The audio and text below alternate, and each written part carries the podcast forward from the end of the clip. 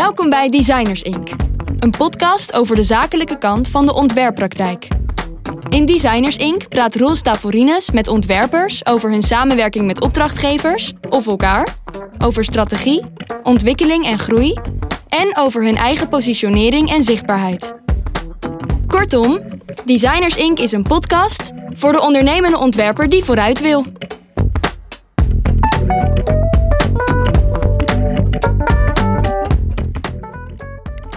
Slimmer werken, niet harder, zodat je er weer energie van krijgt. Als dat is wat je wil, dan moet je bij Emmy zijn. Emmy van Tiel is ontwerper, spreker en bedrijfscoach voor creatieven. Ervaringsdeskundig in het verlaten van gebaande paden, geeft ze als ontwerper alleen nog vorm aan de carrière van creatieven. Een dappere keuze die voor haar de beste bleek.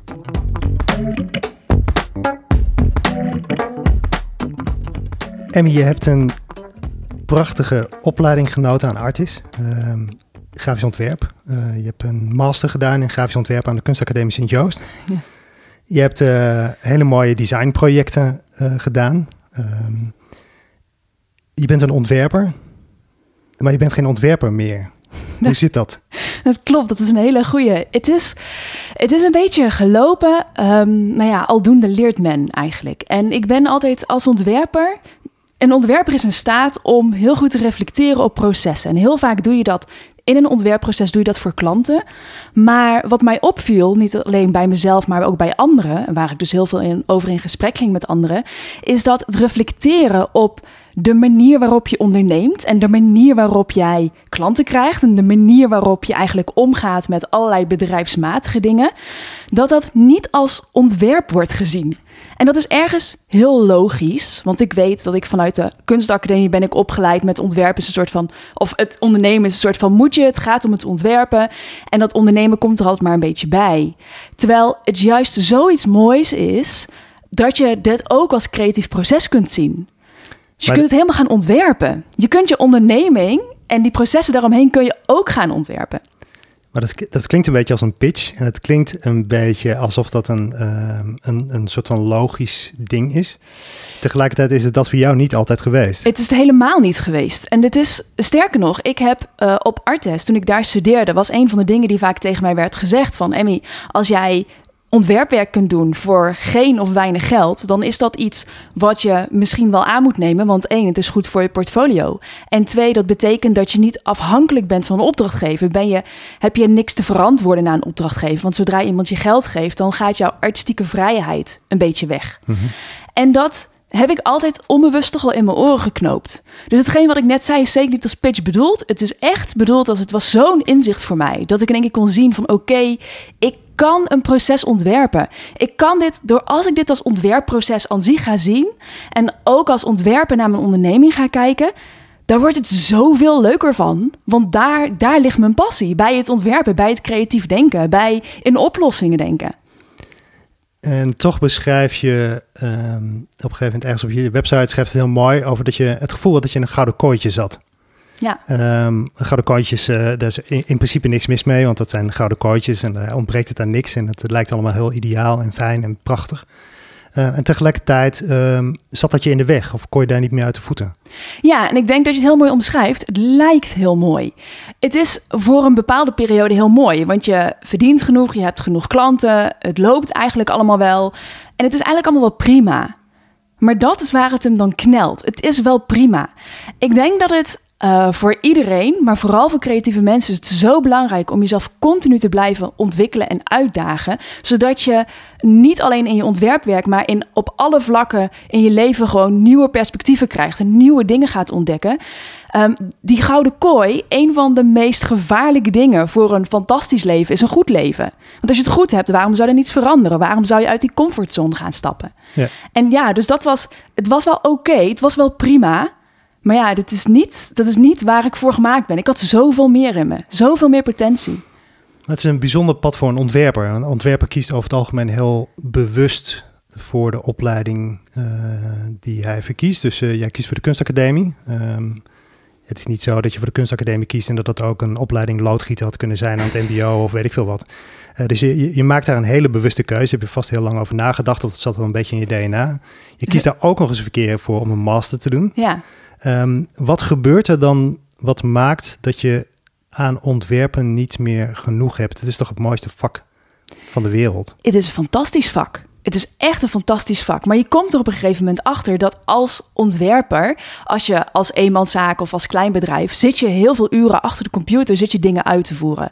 En ja, daar kun je uh, ondernemend in zijn. Dus je kunt mensen gaan samenwerken met freelancers of met andere mensen die bepaalde taken voor je overnemen. Maar er zit altijd toch een soort van control freak in je, dat je het je wil altijd staan voor dat ene resultaat. Ja. En dat is iets wat heel goed is. Maar op het moment dat je daar zo erg op blijft focussen en zo 100% in die in alleen dat ontwerpen gaat, dan ben ik echt van mening dat, tenminste voor mij, en dat zie ik echt wel veel meer, is dat ik me toch een beetje beperkte. Want op de academie leer je niet alleen ontwerpen. Je leert een manier van denken. En met die manier van denken als ontwerper kun je zoveel meer bereiken. Kun je zoveel mooie mooie organisaties helpen opzetten, veel mooie doorbraken um, helpen creëren, dat soort dingen. En het is veel meer dan alleen het, het ontwerpen aan zich. Ja, ja. Waar heb je toen je die omslag maakte het meest zorgen over gemaakt? Nou, ik kan me niet voorstellen dat je je ontwerperscarrière gewoon bij het grof vuil zet. En dat je daar niet een nacht uh, wakker van hebt gelegen of misschien zelfs wel in slaap hebt gehuild. Dat je, wat laat ik achter mij en is dit wel de goede keuze? Kun je iets beschrijven van uh, wat was die keuze of wanneer viel die keuze of waarom viel die keuze? Man, ik heb zoveel gehuild. Ik heb er echt heel veel om gehuild. En het is zo lastig, want je voelt ook een soort van... Je hebt binnen je vakgebied, je kent mensen, je hebt connecties, je hebt een netwerk. Je hebt mensen om je heen die iets van je ontwerpwerk vinden. Je hebt een portfolio opgebouwd. Alles blijf je bouwen, bouwen, bouwen. En op een gegeven moment komt dat besef van... Oh, maar ik heb veel meer in mijn mars. Ik kan veel meer dan alleen een ontwerp uitwerken. Ik kan alleen veel meer dan alleen dat doen. En dat is het moment wat gewoon heel moeilijk is. Um, maar ik ben er ook, net zoals in ieder ontwerpproces, het is soms ook een beetje kill your darlings. Flauw gezegd, maar het is wel zo. Je moet gewoon goed kunnen reflecteren. En je moet gewoon met een hele open blik durven reflecteren. Het is het stukje lef. En het helpt dat ik um, naast mijn ontwerppraktijk al best wel regelmatig les geef en workshops geef in Nederland en in China, waardoor ik echt heel veel verschillende perspectieven op ontwerp heb gekregen. En die perspectieven nam ik ook al mee in mijn ontwerppraktijk. En toen dacht ik, ja, maar ik kan het allemaal voor mezelf gaan zitten houden. En al die dingen die ik heb geleerd van het ondernemen kan ik voor mezelf gaan zitten houden. Maar wat nou als ik dit gewoon eens probeer? De keuze die ik nu maak is geen keuze voor de rest van mijn leven. Dat is iets waar, wat ik mezelf heel vaak heb herhaald en wat ik ook heel vaak aan anderen adviseer. Keuzes maken is zo flipping moeilijk. Maar het hoeft helemaal niet moeilijk te zijn. Want als ik een keuze maak, dan kan ik dat een half jaar proberen en kijken hoe het gaat. En vervolgens kan ik een ander pad bewandelen. Ik zit toch nog wel ergens in de buurt van de creatieve sector. En ja, dat is moeilijk. Waar was ik het meest bang voor, vroeg je? Ik was bang voor, ja, ga ik dat dan redden? Wat gaan mijn klanten daarvan vinden? Ik had superveel mooie vaste klanten. Dan moest ik allemaal dan gedacht tegen zeggen. Wat zouden die daarvan gaan denken? Wat is gebeurd er met de reputatie die ik heb opgebouwd? Maar het mooie is dat iedereen eigenlijk tegen me zei... Ja, maar dat snap ik helemaal. Dat is heel logisch. Dan huren we je vanaf nu af aan vooral nog in voor de strategie... En we weten ook dat jij een netwerk hebt waarbij dat we toch bij jou terecht kunnen op het moment dat er iets uitgewerkt moest worden. Dus hetgeen waar ik me zo druk om maakte in mijn hoofd, dat bestond eigenlijk helemaal niet in de echte wereld. Ja. En ik was ook heel bang op academisch van oké, dan ga ik straks zeggen dat ik niet meer ontwerp. Wat gaan ze daar dan van zeggen? Wat gaan ze daarvan vinden? Ja. Terwijl het enige wat ik heb gehoord is, oh, hè, dit is tof. Dit is een heel ander perspectief. Maar ja, best wel logisch, want zo zit je in elkaar. En denk ik, oh, nou, er zijn dus mensen om me heen die dat al veel eerder hadden aanzien komen dan ik zelf. Ja, ja. Um, wat, wat voor ontwerpers um, help je nu? Of wat voor ontwerpers komen er bij jou terecht? Uh, en wat voor vraag vind jij fijn dat zij aan jou stellen? Nou, de vraag waar ik waar ik heel blij van word, zijn ontwerpers die al een tijdje bezig zijn, maar die op een gegeven moment tegen een soort van plafond aanlopen. En dat plafond heb ik zelf ook gevoeld. Vooral op het moment dat mijn partner een burn-out kreeg, zo'n anderhalf jaar geleden, had ik ook datzelfde moment. Toen dacht ik, ik loop in het plafond aan van mijn kunnen, van mijn uren, van alles wat ik wil bereiken. Ik heb zoveel meer, maar ik, het lukt me fysiek niet, niet genoeg tijd in de dag. Um, en daarbij krijg je dan op een gegeven moment ook projecten en klanten op basis van andere projecten die je hebt gedaan, maar die eigenlijk misschien helemaal niet passen bij waar je uiteindelijk over twee tot drie jaar wil staan. En ik heb best wat ontwerpers die daar nu mee zitten en die ik daar nu mee help. En dat is geen makkelijk proces. Dat is een stukje tough love. Dat is zeker de diepte in. Maar het is zo mooi op het moment dat iemand kiest voor kritisch zijn eigen normale veilige praktijk bevragen om te kijken of die nog meer waarde kan leveren aan andere mensen en daarmee nog meer tot zijn recht kan komen. Ja, want je, je zegt op je site ehm, dat je, ik weet niet precies letterlijk hoe het er staat, maar het gaat er volgens mij over dat je ontwerpers laat groeien of zichzelf laat ontwikkelen of een praktijk laat ontwikkelen of professionaliteit. Um, uh, waar zit hem dan die groei in? Dat kan eigenlijk alle kanten op. Dat kan... Ja, maar het begint altijd bij je eigen goud, zeg ik. We kijken heel vaak naar externe factoren. We kijken heel vaak naar, oké, dit is een project wat een award heeft gewonnen. Zoiets wil ik ook. Of dit is een ontwerppro wat zoiets tofs doet. Voor zulk soort klantenwerk, dat wil ik ook. Um, maar heel vaak vergeten we daarbij wat, die, die, wat we al in ons hebben. We willen heel graag dingen bereiken die misschien een beetje buiten onze comfortzone liggen, maar tegelijkertijd ook net een beetje, misschien ben je daar nog niet. En dat is oké, maar wat ik daarmee bedoel te zeggen is, op het moment dat we gaan werken op basis van jouw incentrieke motivatie. Van wat, waarom doe je wat je doet? Waar kom jij je bed vooruit? Wat, waar droom je nog meer van? Wat wil je nog meer opzetten? Zijn, is er misschien een organisatie die je wil starten? Is er een initiatief binnen de culturele sector? Daar heb ik nou iemand die, iets, eh, die er al jaren van droomt om een initiatief te starten rondom fotografie. Hoe tof is dat? Maar ja, als je dat niet doet doordat je in een soort van veilige gouden kooi zit, en je bang bent om die stap te nemen en eigenlijk ook niet zo goed weet hoe je je tijd moet organiseren om daar dan een prioriteit van te maken, van die droom, dan gaat dat nooit gebeuren. Als je, als je daar nou boven gaat zwijven, hè, je hebt daar heel veel creatieven geholpen in hun pad. Um, wat zijn dan de dingen die je opvallen? Wat, wat staat ontwerpers in de weg? Uh, vaak een stuk zelfvertrouwen. We zijn toch vaak, al zijn we ruimdenkend opgeleid, en zijn we bezig met een creatief vak waarbij je eigenlijk altijd out of the box moet denken en altijd andere niet bestaande paden wil betreden.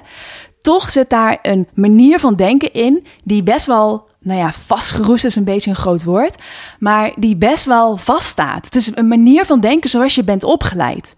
Terwijl de manier waarop je bent opgeleid, al is het maar zeven jaar geleden, dat is al niet meer de manier van nu. Dat is gewoon, er zit een enorm gat tussen. Want er, gebeurt veel in de maatschappij, er gebeurt veel in de hele ontwikkelingen, er gebeurt veel in je persoonlijke leven. En op het moment dat je daar niet bewust bij stilstaat um, en daar niet bewust de tijd voor neemt om daar als ontwerper ook op te gaan reflecteren, um, dan ga je jezelf tegenhouden in waar je uiteindelijk naartoe wil. Maar het is ook een groot deel persoonlijkheid dan, want je uh, je hebt het over de opleiding, mm -hmm. uh, maar het is ook jouw vermogen om daarmee om te gaan of dat in een bepaalde context te plaatsen of uh, dat juist naast je neer te leggen in bepaalde gevallen of juist te omarmen in andere gevallen. Ja, dat is zeker waar. En het is flipping moeilijk om dat in je eentje te doen. Het is, dat is gewoon doodeng. Zijn het veel ontwerpers die je treft of creatieve, dat is volgens mij breder, hè? Dat, um, die voor zichzelf werken? Of ook binnen bureaus? Veel creatieven die voor zichzelf werken. Ja. Vooral, ja. Op ja. dit moment, ja. En die missen ook een soort van klankbord of een, een spiegel... of iemand met wie ze uh, van gedachten kunnen wisselen. Iemand die misschien complementair is of... Ja, exact. En die zitten daardoor vaak heel erg in een eigen bubbel... die wel comfortabel is... Um, en waar het gewoon heel moeilijk is om, om in je eentje uit te komen. Ja, ja. ja. Um, en je gaat op zoek naar die intrinsieke motivatie. Van wat is dat dan precies? Uh, kun je beschrijven wat dat voor jou was? Nou, een van de dingen die ik vooral tijdens lessen die ik in China geef heel erg heb ontdekt is. Um, studenten daar zijn heel anders opgeleid en heel anders opgevoed. Dus daar zit een heel groot cultureel verschil in. Maar wat ik zag is dat die studenten um, een heel groot gebrek aan zelfvertrouwen hadden. En doordat het me daar zo is opgevallen, ben ik ook gaan kijken van oké, hoe zit dat dan hier in Nederland? En daar zag ik dat ook. Weet je, er is een docent die iets zegt op de academie, daar word je misschien onzeker van. Of in de beroepspraktijk heb je een klant die een keer feedback geeft waar je niet helemaal op had gerekend of waar je niet zo goed weet hoe je ermee om moet gaan. Dat geeft gewoon deuken in je zelfvertrouwen. En op het moment dat jij dat, dat jij een manier vindt om een volgende stap te zetten, dat ik iemand zie iets te doen waarvan ze denken van wow heb ik dit gedaan? Heb ik dit in bijvoorbeeld maar anderhalve maand bereikt? Heb ik dit nu al neergezet? Dat is mijn drive. Daar, ga, daar gaat mijn vuurtje echt van branden. In hoeverre gaat het dan om Emmy van Tiel uh, en in hoeverre gaat het over jouw klant? Dat is een hele goede vraag. En als, ik, als het um, het is eigenlijk een combinatie. Want het gaat sowieso heel erg om de klant. Het gaat sowieso om de mensen die ik begeleid. Want iedereen is uniek. En vooral met creatieve mensen. Je, er gaat van, gaan verschillende connecties. Je maakt altijd connecties als creatieve persoon. Dus je, je hebt daar motivatie vandaan, daar motivatie vandaan. Ik zit hier ondertussen groot met mijn armen te zwaaien. Maar je kunt overal ga je heen. En, en het is heel belangrijk om daar echt bewuste tijd voor te nemen, om dat uit te diepen en om daar één mooi helder verhaal van te maken. En om daardoor de volgende stap te kunnen zetten. En ja, ik gebruik mijn kennis en ervaring. En ja, ik gebruik alle dingen die ik heb geleerd, zodat je niet zelf opnieuw het wiel hoeft uit te vinden. Maar de focus ligt op het creatieve individu die ik ga helpen met nog meer shinen. Want dat is waar ik het voor doe uiteindelijk. Ik zit over na te denken. Ehm, ik moet denk ik een beetje oppassen dat ik niet uh, mijn uh, visie op kunstacademisch te veel tentoonspreid. Maar uh, wat me wel opvalt in mijn praktijk, ik ben eigenlijk altijd met merkstrategie bezig, met marketing. Dus dan gaat het over vormgeving om een reden, noem ik het maar. dus dat design moet werken voor die opdracht, voor die, voor die opdrachtgever, voor het bedrijf. Um, wat ik merk vaak aan ontwerpers is dat zij zelf ook heel erg vervlochten zijn met datgene wat ze gepresenteerd hebben. Dus het esthetische, uh, er zit heel erg veel van hun ziel en zaligheid in. Ik sprak gisteren een ontwerper die zei ja, het maakt mij helemaal niks uit welke kleur um, dat logo moet zijn. Het gaat me erom dat het onderscheidend is. En dat is volgens mij precies wat je moet hebben. Um, dus ik had het over die kunstacademies. Van gaat het dan in het onderwijs niet iets mis dat je zeg maar de persoon en datgene wat je ontwikkelt als ontwerper, dat je dat van elkaar weet te scheiden. Niet per se dat je moet scheiden, altijd, maar dat je meer moet kunnen variëren, meer moet kunnen spelen zelf met dit keer is het allemaal één en dit keer um, is het belangrijk dat ik het uit elkaar trek en dat ik uh, voor die opdracht bezig ben en dat het niet over mij gaat. Nou, ik denk dat je daar zeker gelijk in hebt. Ik bedoel, een ontwerp is heel vaak een, toch een soort van kindje. Het is iets waar je wat je zegt, je hele ziel en zaligheid instopt. Ja. En op het moment dat iemand daar dan een mening over heeft, dat is waar ik, waar ik net ook op doelde. En een mening die, die jij niet had verwacht of die jij niet wenst, dan kan het gewoon je, je zelfvertrouwen krenken. En als dat gebeurt, dan is dat super zonde, omdat je wel heel veel in je mars hebt, maar misschien net de communicatie niet helemaal goed is gegaan, of dat je misschien net de strategie-sessie of zo niet helder genoeg hebt uiteen hebt gezet. Ja. Um, dus ja, daar zit zeker een stuk in um, het scheiden van je eigen werk en je, ja, je werk en je, en je privé, om het maar even zo te noemen. Dat is, dat is zeker een belangrijk punt. Zeker. Dat is een woord wat me bijblijft van je website. Eh, daar heb je het over um, dat het moeilijk is om de eerste stap te zetten. En dat je weet als creatief uh, hoe kwetsbaar je daarin kunt zijn bij het zetten van die eerste stap. Um, um, hoe helpt die kwetsbaarheid die jij herkent jou in jouw gesprek met die creatieven? Nou, het is. Um, kijk, ik vind het heel belangrijk dat we alles altijd heel open bespreken. En ik ben zelf, kan ik best emotioneel worden op het moment dat, dat het over iets gaat wat mij heel dierbaar is. En ik heb ook vaak genoeg mensen met wie ik spreek die dat ook hebben. En dat mag. Um, op het moment dat je iets deelt wat jou heel, wat, wat bijna als je kind voelt, van een ontwerp dan, hè. En je, dat is gewoon zo spannend. Dat is zo'n mega stap. Het heeft heel lang in je hoofd gezeten en in één keer deel je het en kunnen mensen er iets van vinden. En dat is het punt waar je net ook een beetje al op doelde volgens mij. Dat is dat punt van waar het belangrijk is dat je kunt scheiden dat je iets neerzet als ontwerper en dat het niet per se jij als persoon is. Ja. En op het moment dat je dat realiseert, ontstaat er iets heel moois. Namelijk dat alle feedback, alles wat je daarop terugkrijgt, dat dat je alleen maar kan helpen om jouw ontwerp te laten groeien. En daarmee ook jou als persoon. Je hoeft het niet meer als een soort van directe aanval naar jezelf te zien, maar het is een groeimogelijkheid. En dat is veel makkelijker zo te zien op het moment dat je heel goed je ontwerp en je, ja, jezelf van elkaar kunt gaan scheiden. Ja. Um, als um, ik. Ik moest net denken door iets wat je zei is de manier waarop jij aan je eigen zichtbaarheid werkt. Zeg maar wat je op je website schrijft, ehm, de fotografie die je daar plaatst, hoe je social media gebruikt. Is dat een ontwerp of ben je dat zelf? Ah, dat is een hele leuke vraag. Um, dat ben ik zelf, maar ik ben een ontwerper. Dus daar zit wel, daar zit ook als ontwerper denk je, wat ik al eerder zei, je leert een bepaalde manier van denken. Je leert niet alleen iets maken, maar je leert een bepaalde manier van denken. En die kennis die ik heb, ja, die kan ik ook inzetten in al mijn stories op Instagram die ik post. Want ik weet gewoon dat op het moment dat je een magazine ontwerpt, dan ga je ook kijken naar, oké, niet te veel informatie in één keer. Er moeten hapklare brokken in zitten. Je moet de tips uithalen. Je moet er misschien een rustmoment, wat een fotopagina is. Nou ja, dat is ook hoe ik mijn stories opbouw. Dat is ook hoe ik eigenlijk alles opbouw. Dus dat is zeker iets wat ik meeneem, ja. En is het dan wat, wat wil je eigenlijk dat um, een potentiële klant, een creatief, die zegt van nou, ik heb echt behoefte aan uh, zeg maar de klankbord, de feedback, ik wil erin begeleid worden. Um, ik verwijs uh, die creatief naar jou.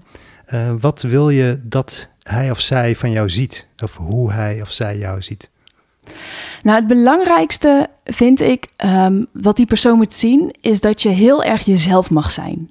En dat is iets wat lastig is op het moment dat je net afgestudeerd bent, want dan ben je gewoon je, ja, je plek aan het zoeken. Um, dat kan later ook nog steeds lastig zijn, omdat je een portfolio opbouwt waarbij je werkt voor een bepaalde klant of bepaalde sector. Um, terwijl dat misschien niet de sector is waar je uiteindelijk heel graag naartoe wil. Um, dus het is heel belangrijk dat je altijd vanuit je eigen goud werkt. Ik noem het ook bewust je goud. Jouw pakket aan kennis, ervaring, reizen die je hebt gemaakt, opleidingen die je hebt gemaakt, gedaan. Alles maakt jou en daar ben jij uniek in. En dat is het belangrijkste wat mensen mee mogen nemen. Het hoeft allemaal niet perfect te zijn. Juist die imperfectie maakt jou een mens, maakt het mooi. En dat is ook bij merken zo. Als je naar grote merken kijkt, dan is juist perfectie is één ding. Maar je kunt ook inspelen op die imperfectie. Ligt een beetje aan de doelgroep en aan de boodschap die je wil um, uitdragen. Maar dat is wel waar ik ook zoiets heb. Dat mogen mensen meenemen. Op het moment dat ze naar mij kijken. Dat is ook wat ik ze wil. Dat ik ja, ze wil uitdagen om dat ook veel meer te gaan doen. Ik vind het een grappig contrast. Want als ik naar de uitingen kijk, dan zie ik heel veel perfectie. En ik zie minder dat, dat schurende randje of de... Uitingen bij mij bedoel je? Ja, ja. Oh, echt? Oh, maar dat vind ik dus weer leuke feedback om mee te nemen. Want dat is zeker... Nou ja, nee, ja, dat is zeker niet de bedoeling. Voor mij zit er een, een, er zit een contrast in... Aan de ene kant de openheid die je op de site geeft over... Zeg maar wat jouw verhaal is, dat gouden kootje wat je beschrijft. En um, zeg maar de burn-out van je partner, die ook je zakenpartner is en um, dat het heel veel teweeg brengt. En het pad wat je dat op heeft gestuurd, misschien ook wel om uiteindelijk daaruit te komen waar je nu bent. En dat is, een, een, een, dat is ook een verhaal van kwetsbaarheid. En tegelijkertijd zit er heel erg een laag overheen van um, um, geredigeerd hmm. uh, of um, um, uh, perfectie of uh, styling. Of, Vind ik wel een mooie dat je dat, je dat zegt. dat betekent dat ik namelijk nog een keertje goed naar mijn site moet kijken. Ik moet zeggen dat het in mijn stories krijg ik juist altijd terug op. Ik ben heel actief op Instagram. Dat is ook waar. Dat is een bewuste keuze, want daar zit ik gewoon heel veel mensen, heel veel potentiële klanten zitten daar, maar ook veel mensen die gewoon eventjes eruit willen, eventjes iets anders willen zien. Ja. Daar krijg ik dat wel veel terug. Um, maar misschien zit dat er ook nog wel een beetje in bij mij als ontwerper. Als ik een site maak, dan moet daar toch een soort van ja, geliktheid moet dat toch een soort van af zijn. Dus ja, van, van, van, mij hoeft helemaal niks, maar ik, ik zit me dat af te vragen. Ja. Wat, de, het is wel ook een. Um, hier moet ik echt een beetje oppassen dat ik niet een soort van opa um, geeft, een soort van reflectie um, terechtkom. Maar wat ik wel zie is dat er veel professionals zijn in verschillende markten. Dus dat gebeurt op HR en in ontwerpen, et cetera die zichzelf als de professional heel erg voorop stellen uh, en zichtbaar maken en daar zich over uiten. Um, en um, dat lijkt bijna één op één te zijn met het product wat ze bieden of de dienst die ze mm -hmm. geven, et cetera. En dat is een, dat is een, dat vind ik super interessante manier. Um, het gaat heel erg over, um, hoe heet dat, um, jij als merk, jij zelf als merk, zeg maar. Ik maak daar voor mezelf een afweging in dat ik probeer het zoveel mogelijk heel erg inhoudelijk uh, te doen. Dus zoveel mogelijk te delen, maar dat vooral inhoudelijk en heel erg af van mijn eigen, wel van mijn, niet, niet van mijn eigen visie, maar wel van mijn eigen persoon en, en hoe ik daaruit zie en hoe ik me manifesteer. Um, dus ik vind het interessant hoe dat, ja. hoe dat, um, um, nou, hoe dat nu heel erg een plek heeft in businesscommunicatie eigenlijk. Ja, ja. Wat daarbij voor mij persoonlijk aan bij heeft gedragen om deze keuze te maken, want het is wel wat je zegt, het is een keuze um, is dat ik dat altijd als ontwerper heel erg nodig heb gehad. Ik vind het fijn om iemand als persoon te zien, om te voelen dat het een echt een persoon is. Um, En ik heb dat nodig gehad om ook bepaalde stappen te durven zetten. En dat is ook de persoon die ik voor anderen wil zijn. En het zit in mijn aard om vooral heel, zeg maar, soort van motiverend te praten. Dat is ook wat ik doe op het moment dat ik voor de, voor de klas sta. Dat vind ik, dat is, hoe, dat is wie ik ben. Ehm, en dat is dus ook waarom ik daar wel voor heb gekozen in de branding. Maar het is, het is een bewuste keuze daarin. Dat is zeker waar. Nou, het is wel interessant. Er, er zitten twee interessante dingen in. Eén is dat ik me kan voorstellen dat als je het zo over die kwetsbaarheid hebt, dat het een soort van veiliger is om een soort van karikatuur neer te zetten. Of een soort van uh, beeld uh, waar je controle over hebt. Um, en tegelijkertijd kan ik me voorstellen dat je dat nodig hebt om zichtbaar te worden, omdat die karikatuur natuurlijk veel makkelijker opvalt, want dan kun je ongenuanceerder zijn. Of, uh... Ja, ja, ja, ja. ja. kan er ja op zijn? Ja. Ja, misschien. Ja, zo heb ik er nooit echt over nagedacht, maar dat, dat is misschien wel zo. Ik bedoel, als je bijvoorbeeld kijkt naar de foto's die op mijn website staan, ja, ik heb er gewoon bewust voor gekozen om met een fotograaf te gaan werken, um, die mij wel op zo'n manier neerzet dat ik me wel zelfverzekerd voel, dat ik niet zomaar even met de telefoon ergens foto's ga maken. Ja. Want dat is. Nou, dat is ook gewoon professioneel. Dat is professioneel. Plus, dat is hetgeen waar ik persoonlijk ook echt naar op zoek was. Iemand die het op zijn manier deed, maar wel vol zelfvertrouwen. En dat is ook waarin alles wat ik doe van doordrenkt is. Het gaat allemaal om het zelfvertrouwen laten groeien. Ja. Um, dus ja, dat is zeker waar. Maar daarvoor vind ik ook die kwetsbaarheid belangrijk. En dat is wel ook iets wat je dan in de teksten meer ziet. En wat ik ook wel in de verdere communicatie erg naar buiten laat komen. Zeker. Ja. Um, heb je last van deze coronatijd? Zakelijk gezien bedoel je? Überhaupt? Nee, ja. Uh, nou, wat ik er mooi aan vind, um, wat ik het mooie aan, de, aan deze coronatijd is dat um, ik ben heel veel coaching ben ik allemaal online gaan doen. En uh, mensen zijn dat veel makkelijker gaan accepteren. En uiteindelijk komen mensen erachter dat het gewoon een enorme win is. Want je hebt en veel minder reistijd, wat wel meerdere mensen zullen herkennen natuurlijk. Um, ik kan alles opnemen. Um, we kunnen juist meer tijd nog aan een sessie besteden of wat meer uitlopen zonder dat je weer naar de volgende ding toe moet. Dus ik vind dat corona ook wel wat, uh, wat cadeautjes heeft gebracht. Um, en ook wel Um, het alles is een beetje in een stroomversnelling gekomen. Ik denk dat corona mede de reden is geweest dat ik deze keuze heb durven maken om me volop op de business coaching voor creatives te storten. Ja. Als corona er niet was geweest, was ik heel veel, had ik nog steeds veel in China gezeten, twee keer per jaar, tweeënhalve maand. En uh, had ik denk ik minder snel de keuze gemaakt om nee, bewust nee te gaan zeggen tegen bestaande klanten. Want ja, dan loopt alles toch een beetje zoals het loopt. Ja. Dus het, het helpt je met uh, dingen nog eens even kritisch bekijken en bevragen. En dat vind ik heel mooi aan. Ja. En hoe geldt dat voor, um, je kunt het als het goed is goed overzien van jouw klanten, de creatieven die bij jou terechtkomen. Hebben zij er last van? Hoe gaan ze ermee om?